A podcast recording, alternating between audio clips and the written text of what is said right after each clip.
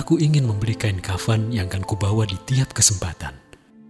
Tapi sayang, aku belum punya cukup nyali dan keberanian.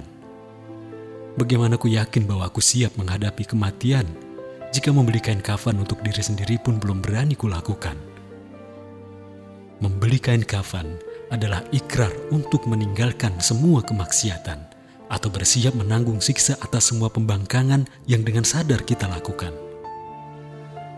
Memilih kain kafan tak seriang memilih baju lebaran. Tapi itulah yang dilakukan para khalifah era Ottoman. Mereka memakainya sebagai ikat kepala tanda kebesaran sekaligus pengingat bahwa kekuasaan itu bukan untuk kesenangan kecuali dipertanggungjawabkan di hari pembalasan. Mungkin bagi orang solih tingkat sembilan, membeli kain kafan untuk diri tak perlu dilakukan. Tapi bagi kami yang masih cinta dunia yang profan, hal itu adalah cara ampuh untuk membakar keinginan menuruti hawa nafsu dan bisikan setan. Juga bagi Anda yang zikirnya adalah harta, kekuasaan, penaklukan, dakwah, dan ketenaran.